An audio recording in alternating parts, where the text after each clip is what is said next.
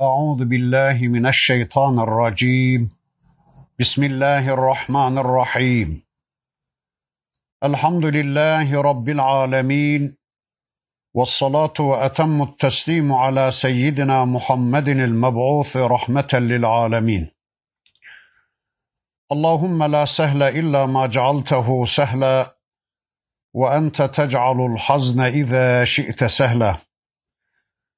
اللهم علمنا ما ينفعنا وانفعنا بما علمتنا وزدنا علما برحمتك يا أرحم الراحمين.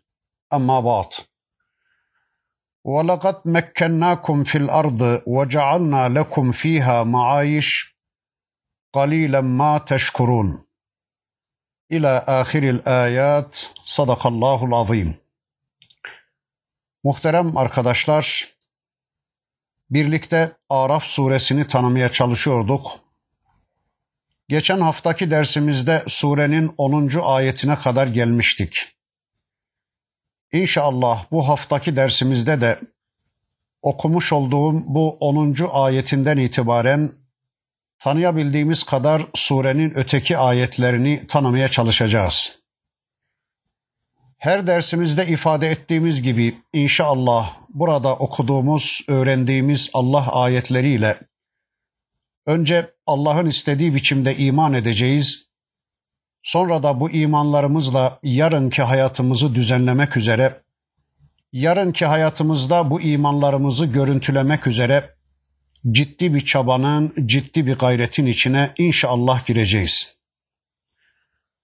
Bugün okumuş olduğum 10. ayeti kerimesinde bakın Rabbimiz şöyle buyuruyor. وَلَقَدْ مَكَّنَّاكُمْ fil ardı. Sizi yeryüzünde yerleştirdik. وَجَعَلْنَا لَكُمْ ف۪يهَا مَعَايِشْ Ve orada size geçimlikler yarattık. Orada sizin için maişetler kıldık. قَلِيلًا ma teşkurun Öyleyken pek az şükrediyorsunuz. Ne kadar da az şükrediyorsunuz. Evet, Rabbimiz buyuruyor ki, yeryüzünü sizin için bir karar yeri kıldık. İstikrar makamı yaptık. Yeryüzünü sizin için vatan yaptık. Orada sizin için, yaşamınız için, imtihanınız için geçimlikler yarattık. Sizin için orada her şeyi hazırladık. Her şeyiniz Allah'tan olduğu halde siz ne kadar da az şükrediyorsunuz? Sizin Rabbiniz, sizin kendisine kul olmanız, sizin hayat programınızı kendisinden almanız gereken Rabbiniz o Allah ki, o öyle lütuf sahibi bir Allah ki sizi yaratmış ve şu yeri sizin için bir döşek, bir karar yeri yapmış. Size bir yatak yapıp sizin rahatınıza sunmuştur onu. Sizin imtihanınız için bir imtihan salonu kılmıştır onu. Orada yatıp kalkıyor, orada uyuyup uyanıyor, Orada dayanıp oturuyorsunuz.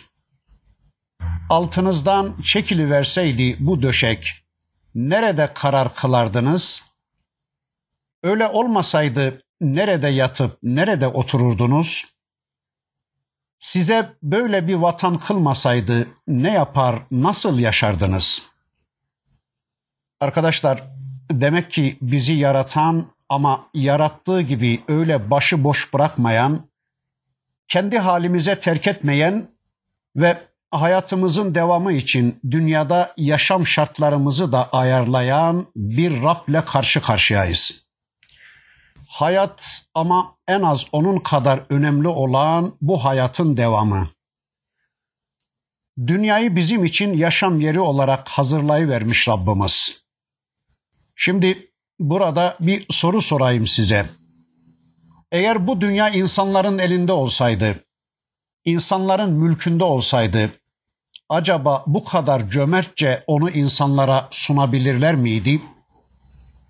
Şu gökyüzü, şu semamızın simasını süsleyen yıldızlar, şu gecemizin zülüflerini aydınlatan hilal, şu bize her saniye ısı ve ışık gönderen güneş, şu her an teneffüs ettiğimiz hava, şu kıymetini bilmeden tükettiğimiz sular bir insanın ya da insanların elinde olsaydı, onu ondan bu kadar rahat alabilir miydiniz? İşte sizin böyle cömert bir Rabbiniz var. Öyleyse kimin ekmeğini yiyip kimin kılıcını salladığınızı bir düşünün. Kimin nimetlerinden istifade edip de kimlere kulluk ettiğinizi bir düşünün. Kimin evinde oturduğunuzu, kimin döşeğinde yattığınızı, kimin eşyalarını kullandığınızı bir düşünün. Düşünün de kime kul olmanız gerektiğini iyi anlayın. Bütün bunları yaratan, bütün bu nimetlerle sizi perverde eden Allah'tan başka bir ilah olmayacağını bilip dururken siz ne kadar da az şükrediyorsunuz Rabbinize? Ne kadar da az teşekkür ediyorsunuz ona? İşte bu bizim yaratılışımız, yoktan var edilişimiz, sonra üzerinde yaşadığımız dünyamızın yaratılışı, sonra yaşadığımız bu dünyada Rabbimiz tarafından tüm yaşam şartlarımızın hazırlanması, sürekli gözümüzün önünde bulundurmamız gereken ve karşılığında bunu bize lütfeden Rabbimize karşı şükretmemiz gereken bir ayettir. Arkadaşlar şükür, teşekkür verileni verenin yolunda kullanmaktır. Şükür hayatı o hayatın sahibinin yolunda kullanmaktır. Şükür dünyayı, hayatı, canı, malı, zamanı, imkanları, fırsatları onu verenin yolunda harcamaktır. Şükür nimet cinsinden olur. Allah bize hangi nimeti vermişse o nimet cinsinden infakta bulunarak şükredilir. Hayatı onu bize veren Allah'ın istediği biçimde yaşamak, geceyi ve gündüzü onu bize lütfeden Allah yolunda kullanmak, aklı onu verenin razı olduğu yerde kullanmak, zamanı onu verenin razı olduğu yerde kullanmak, Allah'ın rızasını tahsilde harcamak şükürdür. Hayatı o hayatın sahibine sormadan yaşamak, zamanı kendi bildiğimiz biçimde doldurmak, malı o malın sahibinin razı olmadığı yerlerden kazanıp onun razı olmayacağı yerlerde harcamak, elimizi, ayağımızı, gözümüzü, kulağımızı onları bize verenin yolunda kullanmamak, varlığımızı onu bize vermeyenler yolunda harcamak, geceyi ve gündüzü onu bize verenin razı olmadığı şeyler yolunda itlaf etmek de nankörlüktür Allah korusun. İşte bakın Rabbimiz buyurur ki İnsanların pek çoğu bunun farkında değildir. Pek çoğu şükretmemektedir. Evet diyor ki Rabbimiz ey kullarım sizi ben yarattım. Hayatınızı bana borçlusunuz. Sadece bana şükretmeniz, bana teşekkür etmeniz gerekirken hayatınızı benim istediğim biçimde yaşamanız, bana teslim olup bana kulluk etmeniz gerekirken tam aksini yaparak bana nitler, eşler, ortaklar aramaya, bulmaya kalkışmayın. Rızasını kazanacağınız, kendilerine kulluk edeceğiniz, hayat programlarınızı kendilerine soracağınız, sistemlerini sistem kabul edeceğiniz benden başka Rabler, benim düğünümde efendiler bulmaya kalkışmayın veya beni sadece hayatın bazı bölümlerine karışan ama öbür bölümlerde yetkisiz kabul etmeyin. Namazınıza karışan ama kılık kıyafetinize karışmayan, orucunuza karışan ama hukukunuza karışmayan, mescidinize karışan ama kazanmanıza, harcamanıza, çocuklarınızın eğitimine, sofranıza, ev tefrişlerinize, düğününüze, derneğinize, okumanıza, yazmanıza, meslek seçiminize karışmayan bir Allah kabul etmeyin. Yani hayatınızın bazı bölümlerine karışan, o bölümlerde söz sahibi olan varlıklar, efendiler, amirler bulmayın diyor Rabbimiz. Ama ne gariptir ki insanlardan kimileri Allah'ın bu tür ayetlerinin üzerini örttükleri için, işaret levhalarını kamufle ettikleri için, Allah'ın ayetlerinden habersiz yaşadıkları için haktan, hakikatten, hidayetten, dost doğru yoldan yüz çeviriyorlar. Allah'tan yüz çevirip başkalarına yöneliyorlar. Allah'a kulluk yapmaları gerekirken, Allah'ı razı etmeleri gerekirken, Allah'a teşekkür etmeleri gerekirken başkalarına teşekkür etmeye, başkalarına kulluk etmeye, başkalarını razı etmeye çalışıyorlar. Hayat programlarını hayatın sahibi olan Allah'tan almaları gerekirken başkalarının hayat programlarını alıp uygulamaya yöneliyorlar.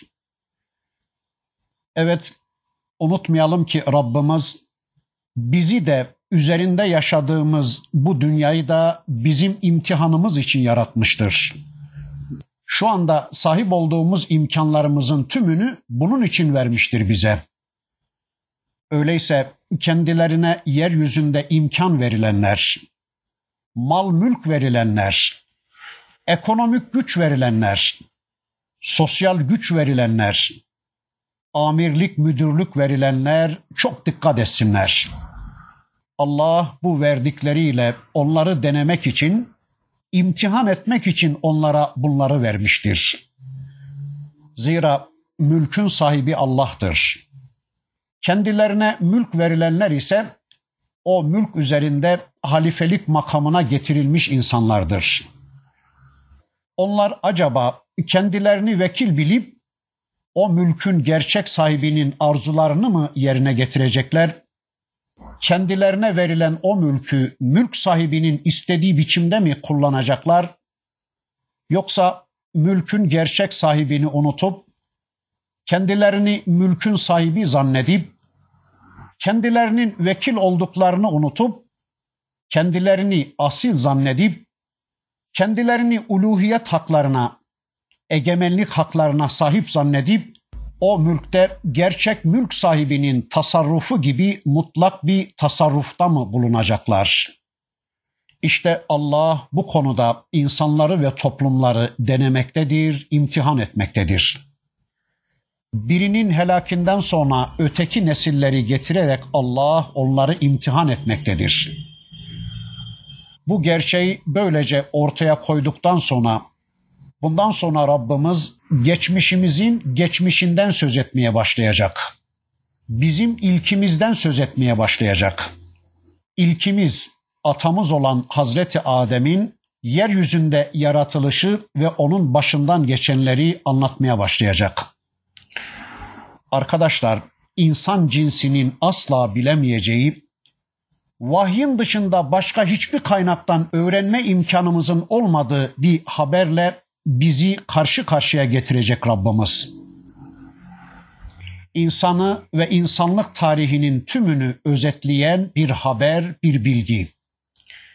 İnsan denen varlığın kıyamete kadar yeryüzünde nasıl yaşayacağını, kimin safında yer alacağını, hangi ekolü benimseyeceğini anlatan bir tebliğ. Başka bir deyişle yeryüzünde kulluğu ve isyanı anlatan bir mesaj. Yaratılışla birlikte kim kulluk etmiş, kim isyan etmiş? Veya Allah'a kulluk nedir? Allah'a Allah'ın istediği biçimde kulluk nasıl yapılır? İsyan nasıl olur? İsyan neden olur? Adem ve İblis örneğiyle bu konunun anlatıldığı bir bölümle, bir pasajla karşı karşıyayız.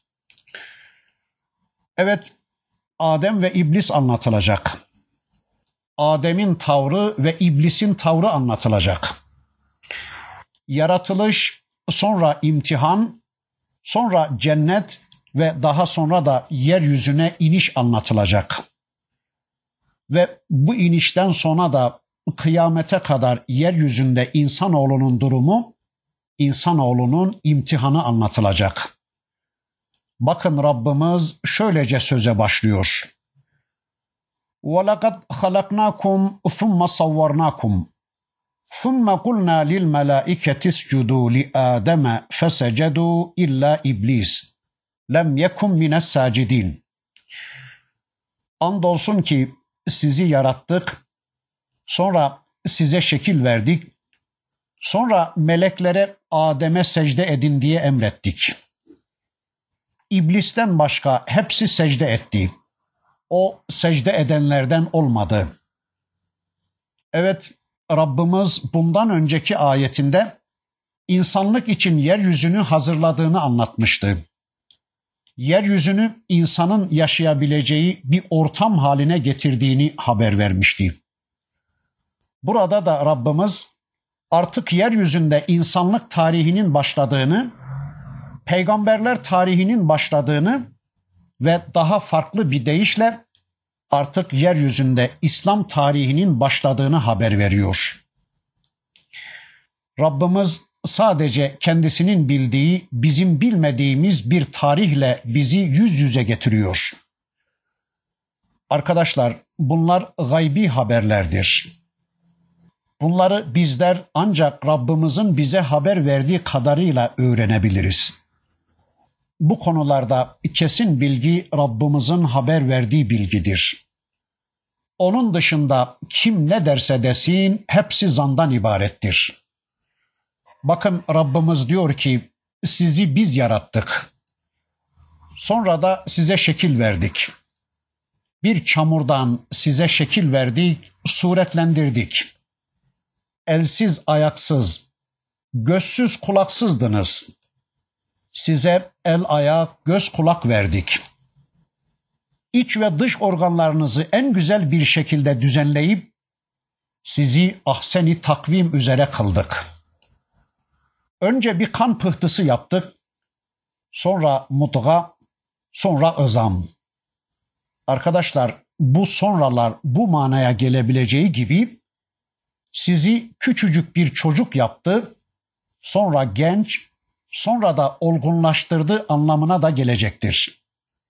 Veya bu sonralık Hazreti Adem'in yaratılışından sonra olduğu gibi ana rahmindeki merhaleleri de anlatır denmiş. Kur'an'ın farklı yerlerinde bize anlatıldığına göre Rabbimiz Adem'i ve onun neslini topraktan yaratmıştır. Hazreti Adem de dahil tüm peygamberler, tüm insanlık topraktan yaratılmıştır. Bunu özellikle demeye çalışıyoruz. Çünkü kimileri Peygamber Efendimizin nurdan yaratıldığını ısrarla iddia ederek sanki onu insanlıktan, beşerlikten çıkarmaya ve Hristiyanların peygamberleri İsa Aleyhisselam'a yaptıklarını yapmaya çalışıyorlar. Halbuki Resulullah Efendimiz kendisinin bir beşer olduğunu ve beşer olması münasebetiyle de topraktan yaratıldığını ısrarla vurgulamaktadır aynen bizim gibi insan cinsi gibi topraktan yaratılmış olan Allah'ın Resulü bizim için de en güzel bir örneklik ve Allah'a kulluk sergilemiştir. Yani bir beşer olarak peygamberimiz Allah'a kulluğu zirve noktasında yaşayarak, örnekleyerek bize göstermiştir. Yani Allah'ın Resulü bir beşerdi ve en güzel bir biçimde Allah'a kulluk yapan bir insandı. Ama galiba vahdeti vücut felsefesinin kurucuları tarafından onun da bir Allah olduğunu savunmak için mi yoksa onun bir beşer olmadığını ortaya koyarak bize örnek olamayacağını iddia etmek için mi hep bir nurdan yaratılışı iddia edilip durmaktadır. Halbuki Kur'an'ın beyanına göre insan cinsi topraktan, Melekler nurdan, cinler ve şeytan da ateşten ve dumandan yaratılmışlardır. Hurilerin de zaferandan yaratıldıkları bir hadisi şerifte ifade edilmektedir. Evet, bu yaratılıştan sonra meleklere dedi ki Allah, Adem'e secde edin. Bütün melekler Adem'e secde ettiler, iblis müstesna. Arkadaşlar, hadise Bakara'da ve diğer surelerde teferruatıyla anlatılır. Bu secde olayı insanların ilkinin, ilkimizin başından geçen ve kıyamete kadar da onun neslinin de gün be gün yaşayacakları bir olay, bir hayat, bir tecrübedir. Yani insanların tümü ya Adem'in yoluna, meleklerin yoluna girip onların tavrını sergileyecekler ya da şeytanın yoluna girip onun rolünü oynayacaklardı. İşte olay buydu. Rabbimiz yeryüzünde bir halife yaratmış ve tüm meleklerine ona secde ile emretmiş. İstisnasız tüm melekler ona secde ederlerken iblis bu işin dışında kalmış. Arkadaşlar bu secdenin mahiyetini bilmiyoruz. Allah'ın yeryüzünde halife olarak yarattığı Hazreti Adem'in önünde ona karşı yapılan bir hürmet ve istirham secdesi miydi? Yoksa şu şimdi bizim namazlarımızda yaptığımız secdeye benzer bir secde miydi? Yoksa bu emri veren Allah'ın emrine bir boyun büküş müydü? Bunu bilmiyoruz. Bildiğimiz bir şey varsa Rableri onlara emretmiş, onlar da hemen Rablerinin bu emrine imtisal etmişler. Hani komutan askere emrediyor, şu taşı selamlayacaksın diye. Asker de komutanın emrini yerine getirmek için döner döner o taşı selamlar. Ama askerin bu eylemi ne o taşın üstünlüğünü ne de o askerin alçaklığını göstermez. Komutanın emrine imtisali gösterir. Mesela şu anda biz toprağa ve Kabe'ye doğru secde ediyoruz. Ama bizim secdemiz ne toprağa ne de Kabe'yedir. Bizim secdemiz bize bu emri veren Rabbimizadır. Rabbimizin emrine imtisaldir. Fesecedu illa iblis lem yekum mines sacidin. Rablerinden kendilerine intikal eden bu emir karşısında melekler hemen secde ettiler ama iblis secde etmedi.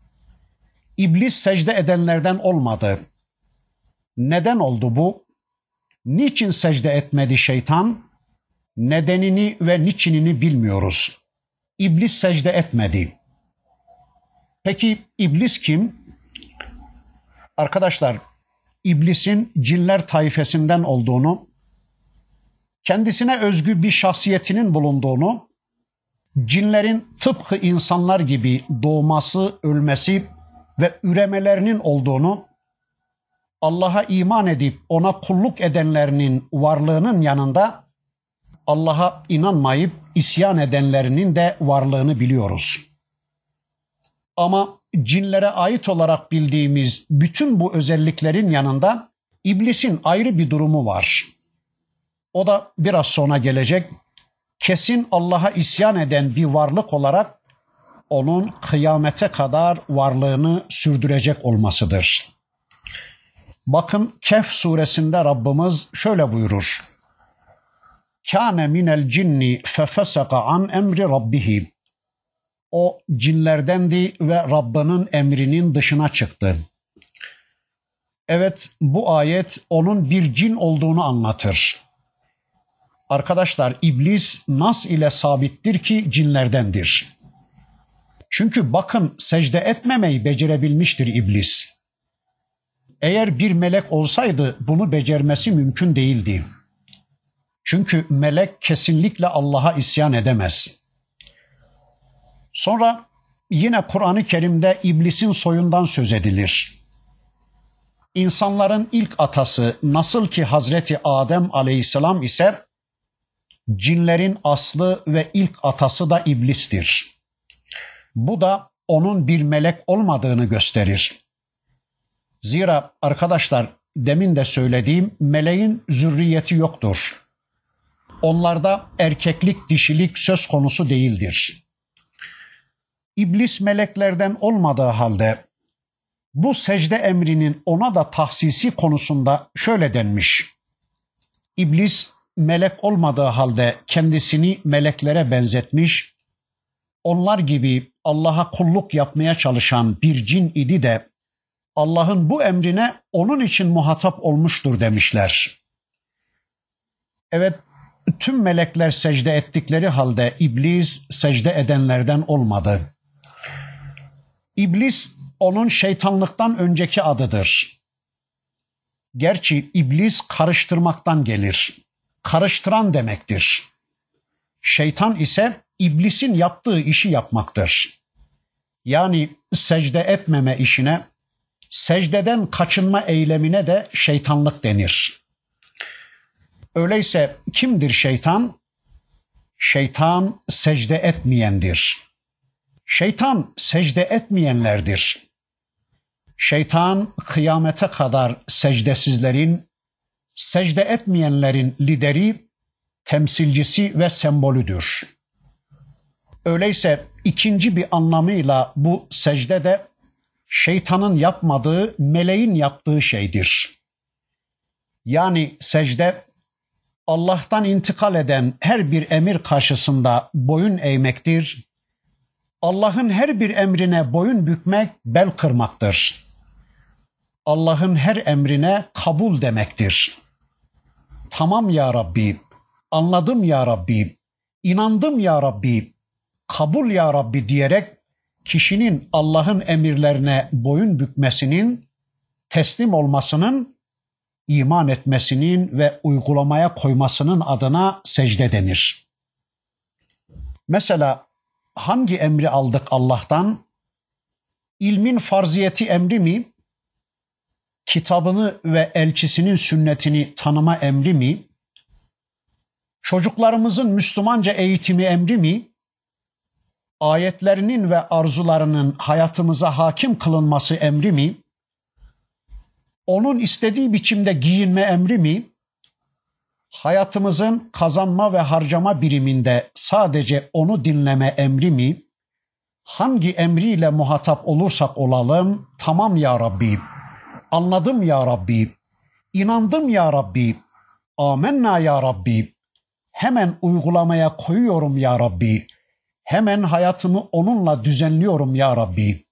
Bu imanımı hemen amel olarak hayatımda görüntülüyorum ya Rabbi diyerek hemen ondan bize intikal eden her bir emri uygulamaya koyuyorsak, hemen duyar duymaz mesela ilim öğrenmeye başlıyorsak, duyar duymaz hemen kılmaya, tutmaya, örtünmeye başlıyorsak, bilelim ki biz tıpkı melekler gibi Allah'a secdeyi gerçekleştiriyoruz demektir.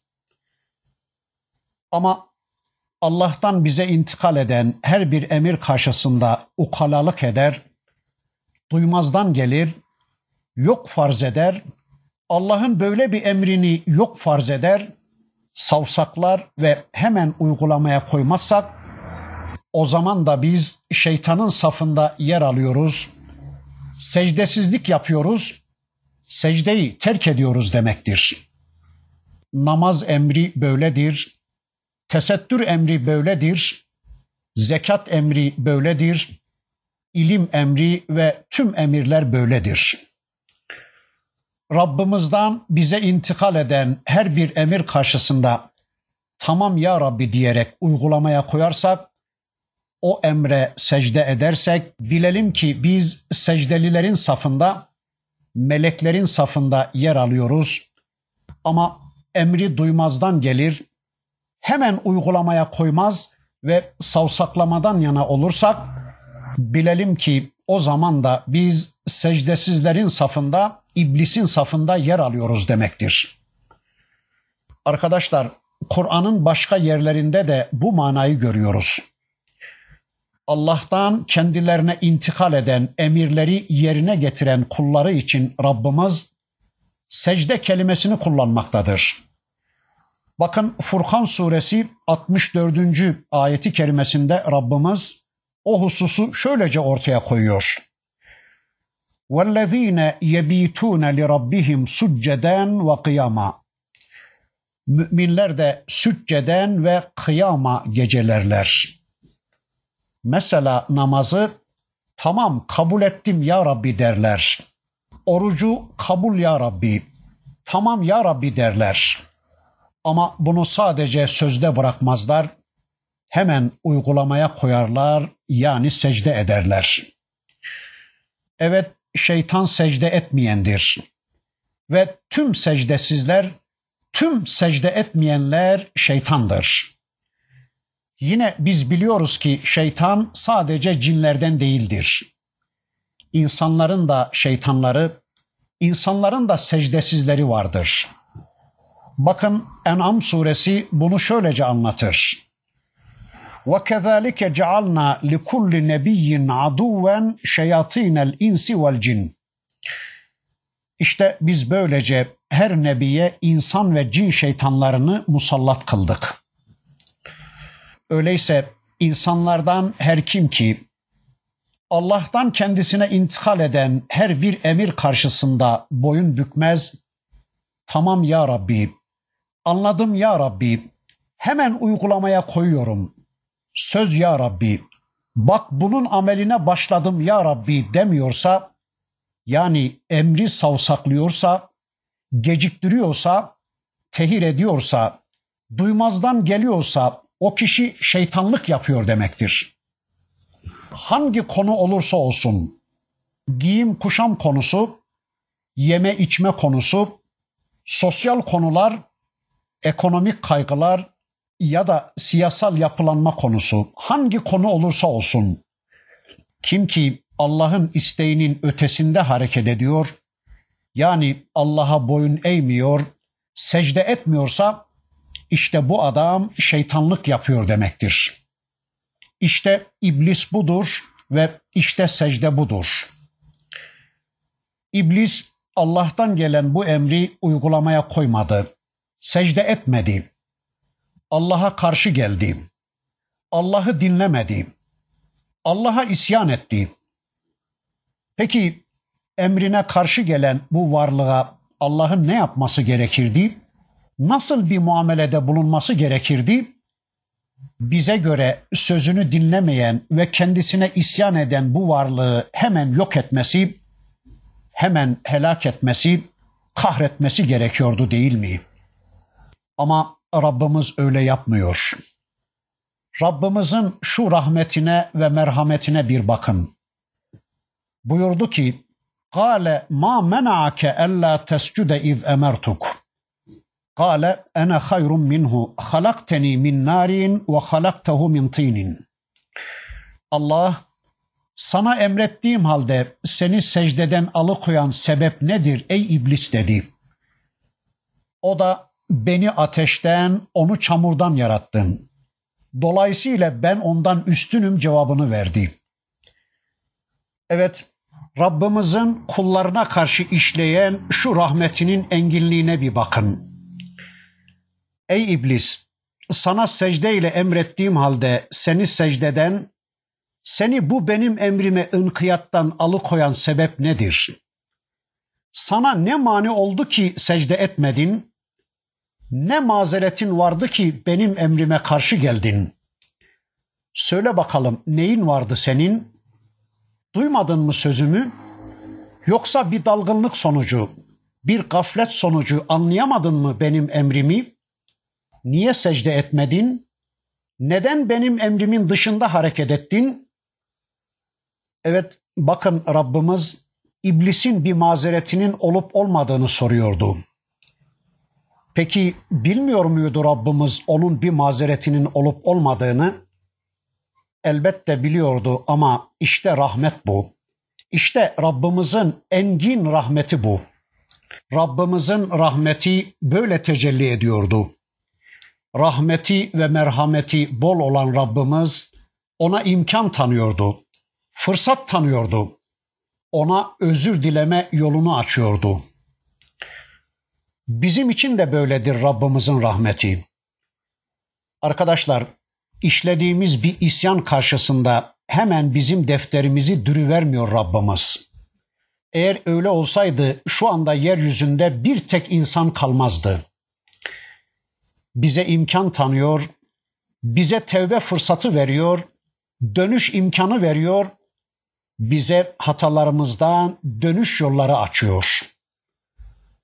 Mesela bakın zina konusunda da bu böyledir. Allah'ın Resulü şüpheli şeylerde haddi uygulamayın buyurur. Yani şüphelerle hadleri kaldırın buyurur. Şüpheli durumlarda hadleri uygulamadan kaldırın buyurur. Hakim de bunu uygulamak zorundadır. Mesela ben zina ettim, haddi şer'i uygulayıp beni temizleyin diyerek huzuruna gelen bir adama hakim, hayır sen böyle bir şey yapmış olamazsın. Dön git tövbe et. Allah'ın affetmeyeceği bir günah yoktur diyerek onu huzurundan kovar. Sonra adam ikinci defa aynı itirafla gelirse onu bir daha çıkarır huzurundan. Yalan söylüyorsun. Kendi kendine iftira ediyorsun. Sen böyle bir şey yapmış olamazsın. Dön git tövbe et Allah'ın affetmeyeceği bir günah yoktur diye hakim onu huzurundan bir daha çıkarır. Sonra üçüncü, dördüncü defa gelip adam aynı itiraflarda bulununca artık kendisi rejmedilir. İşte burada da aynı rahmetin tecellisini görüyoruz. Allah iblise rahmeti gereği imkan tanıyordu. Tevbe ve geriye dönüş imkanı veriyordu. Aslında Allah onun herhangi bir mazeretinin olup olmadığını çok iyi biliyordu. Ama yine de bakın ona imkan tanıyordu. Peki böyle bir durumda iblisin ne yapması gerekiyordu? Aslında Allah'ı da onun gücünü, kudretini de bilen bir varlık olarak iblisin hemen bu fırsatı değerlendirip yaptığından dolayı Rabbinden özür dilemesi, tevbe etmesi gerekirdi değil mi? Aman ya Rabbi ben bir hata ettim. Ben sana karşı kusur işledim. Yapmamam gereken bir şey yaptım. Yapmam gerekeni yapmadım. Rabbim olarak sana karşı takınmamam gereken bir tavır takındım. Olmamam gereken bir konumda bulundum. Ama ben ettiğim sen etme ya Rabbi. Kusuruma bakma ya Rabbi. Densizliğimi, cüretimi, isyanımı görme ya Rabbi. Beni affet ya Rabbi diye yalvarıp yakarması gerekirken bakın iblis ne diyor, nasıl bir tavır takınıyor.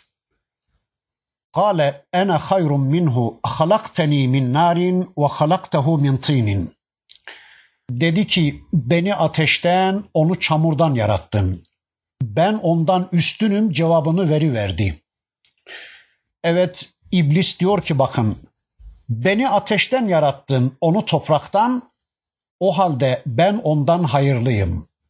Ben Adem'den üstünüm. Arkadaşlar iblis mantığıdır işte bu. Bu mantığı çok iyi anlamak zorundayız. Çünkü çevremizde pek çok insanın aynı mantığı kullandıklarını göreceğiz. Çevremizde anamız, babamız, karımız, kocamız, kardeşimiz, kavmimiz, kabilemiz, amirimiz, memurumuz olarak insanların bu mantıkla, şeytan mantığıyla karşımıza çıktıklarını göreceğiz.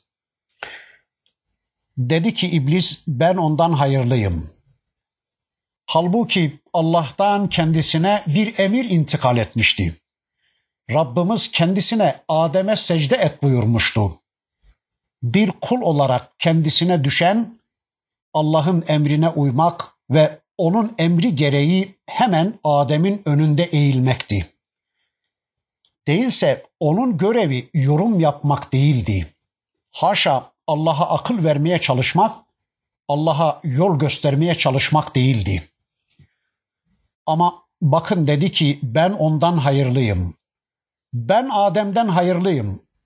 Çünkü beni ateşten, onu topraktan yarattın. Bir kere bu batıl bir iddiaydı. Çünkü bir şey hayırlı mıydı yoksa hayırsız mıydı bunu Allah diyecekti. Halbuki bu konuda Allah'tan herhangi bir şey ulaşmamıştı kendisine. Çünkü henüz Adem yeni yaratılıyordu. Yeni yaratılan ve henüz ne olduğu belli olmayan, henüz denenmemiş bir varlık mı hayırlıydı yoksa kendisi mi hayırlıydı bu belli değildi. Onun mu yoksa berikisinin mi hayırlı olduğunu Allah diyecekti. Ama İblis bu konudaki Allah'ın hükmünü beklemeden kendi kendine hüküm koyarak ilk batılını işlemiş oldu. İblis Allah'ın bir emri karşısında kıyas ederek aklı işin içine karıştırarak sanki Rabbimizin emrine yorum getirmeye çalışarak Allah'a akıl vermeye, Allah'a yol göstermeye kalkışıyordu. Halbuki kulluğun gereği bu değildi. Kulluk teslimiyeti gerektirir. Kulluğun mantığı teslimiyettir. Kulluk kulun Rabbine ve onun emirlerine karşı itirazsız, yorumsuz, aklı işin içine karıştırmadan mutlak teslimiyetidir.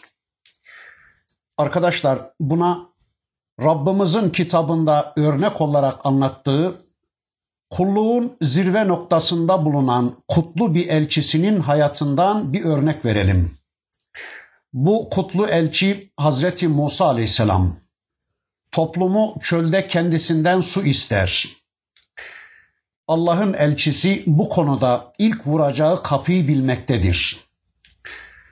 Onların bu isteklerini tüm isteklerin yerine getiricisine duyurur. Onlar namına tüm nimetlerin sahibinden su ister.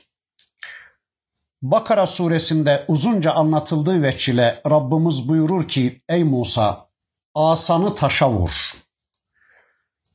Arkadaşlar hakikaten bu emir Musa aleyhisselama öyle bir yerde veriliyordu ki aklın bunu alması mümkün değildi. Sina çölünde ıssız bir çölün ortasında yıllardır belki yağmur yüzü görmemiş bir çölün ortasında Allah tarafından peygambere böyle bir emir veriliyordu.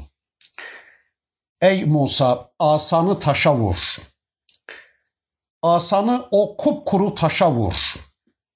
E olacak şey miydi bu? Suyla bunun ne ilgisi vardı? Arkadaşlar acaba peygamber yerinde biz olsaydık ve Rabbimiz bu emrini bize verseydi ne yapardık? Aklı işin içine karıştırmadan, fiziği devreye sokmadan, Rabbimizin emrini yorumlamaya çalışmadan hemen uygular mıydık bir düşünün.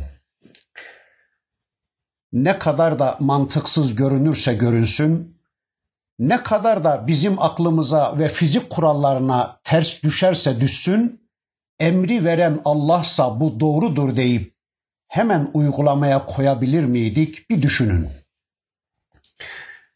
Ama Hazreti Musa aleyhisselam öyle demedi.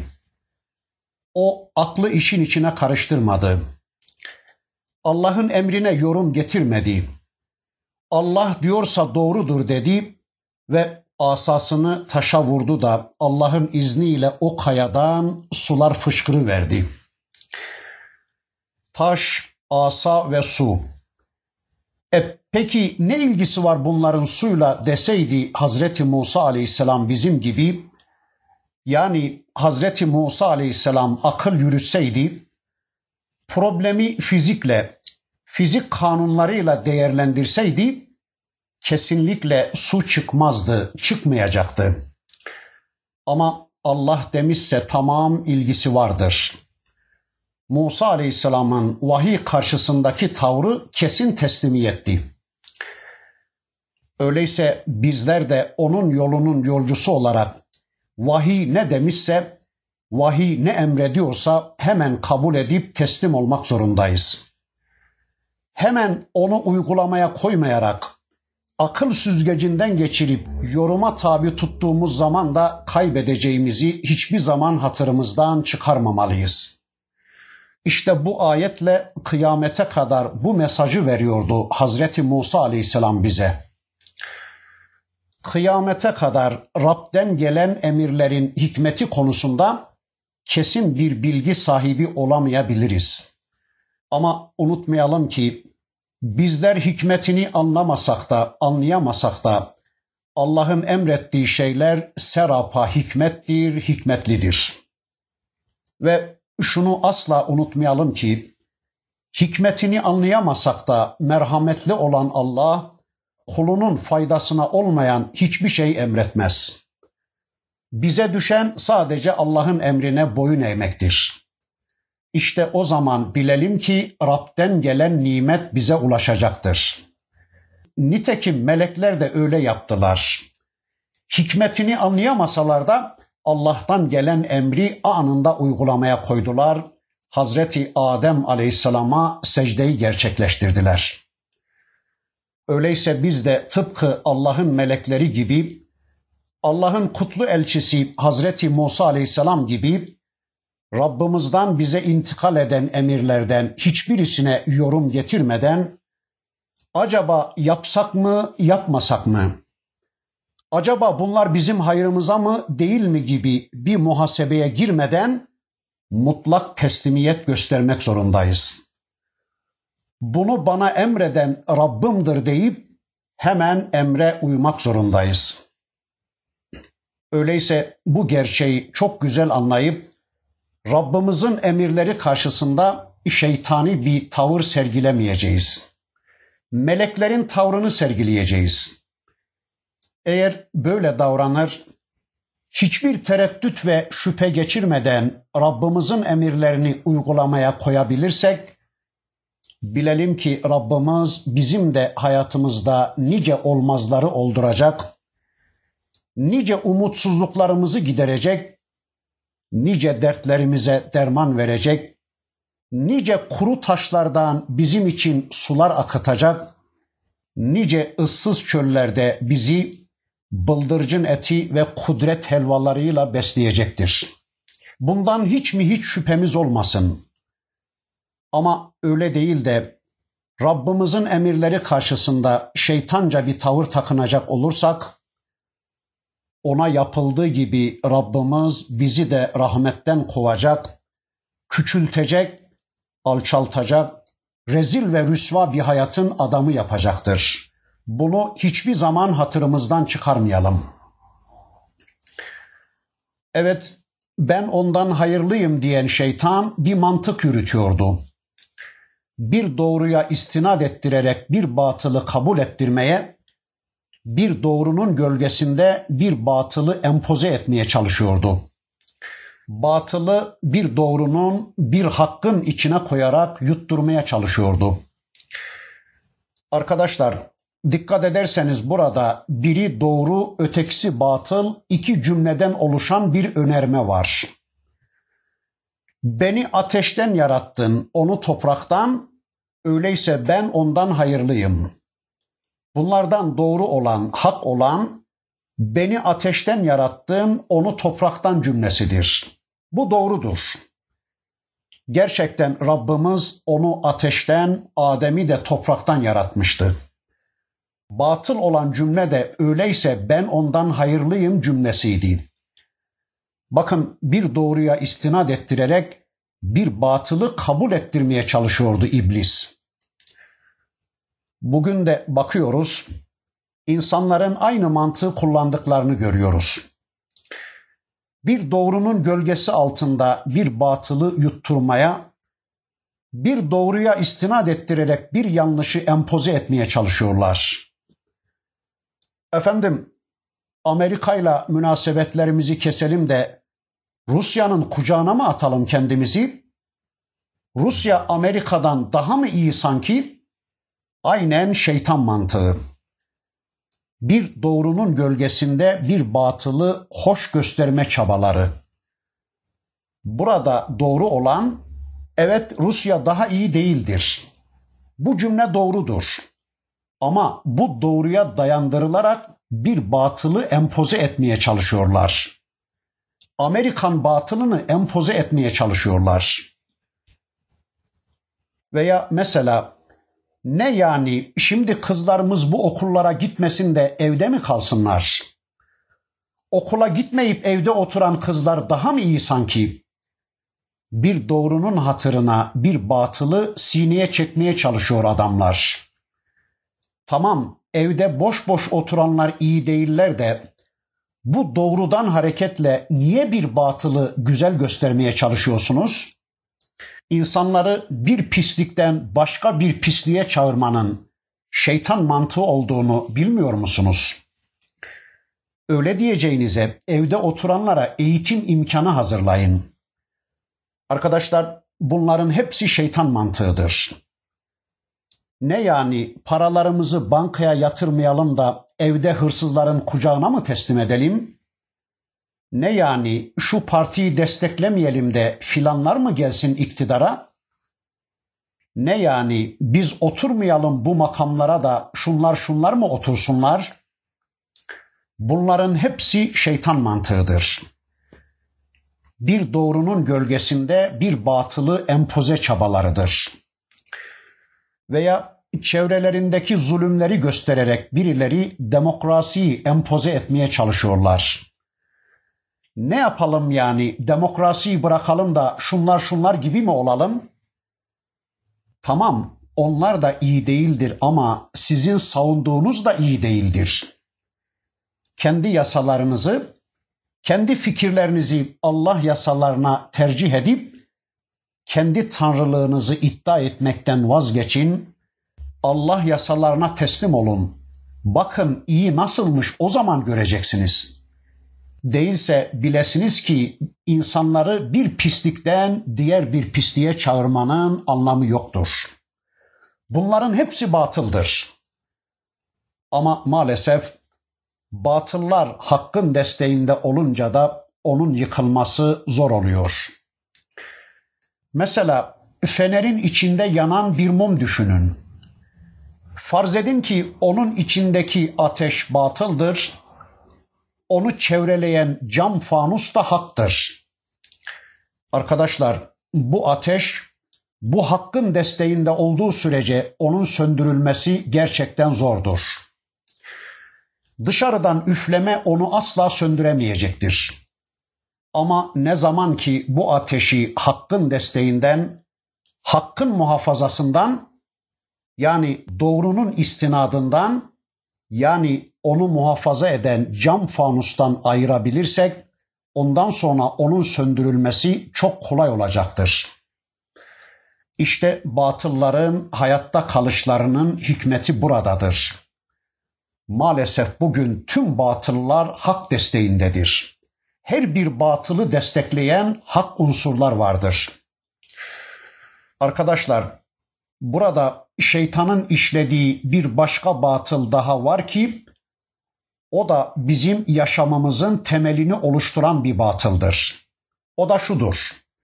Şeytan diyor ki ne ne ne dedin? Ben Adem'e secde edeceğim ha? Ne dedin ne dedin? Adem'e secde mi dedin? Niye secde edecekmişim ben ona? Kim o? Sanki onun maddesi benim maddemden daha mı üstün ki ben ona secde edeceğim? İbadet ve emirler konusunda varlıklar arası ilişkiler konusunda maddeyi temel kabul edip materyalistçe bir düşünce mantığı. Sanki onun maddesi benim maddemden üstün mü ki ben ona secde edeceğim? Halbuki benim maddem onun maddesinden daha hayırlıdır. Halbuki ben ondan üstünüm. Benim ırkım, benim kökenim, benim maddem onun maddesinden daha üstündür. Çünkü beni ateşten yarattığın onu topraktan. Arkadaşlar, ibadet ve emirler konusunda varlıklar arası ilişkiler konusunda maddeyi temel kabul edip materyalistçe bir düşünce mantığı. Meseleye materyalistçe bir yaklaşım. İnsanların pek çoğu böyle değil mi? Adam her şeyi parayla ölçüyor bugün. İffeti, namusu, dostluğu, arkadaşlığı, sevgiyi hep parayla ölçüyor. O kaç paralık adammış da onunla arkadaşlık edecekmişim ben diyor. Kaç paralık adam da onun davetine icabet edecekmişim ben. O kim ki onun elini öpecekmişim ben. Hatta benim karnımı yarsalar onun karnından daha çok gazurat çıkar diyor adam. Yani karın meselesinde, bağırsak meselesinde adam. Her şeyi maddeyle, her şeyi parayla ölçmeye çalışıyor. İşte şeytan da aynı şeyi yapmaya çalışıyordu.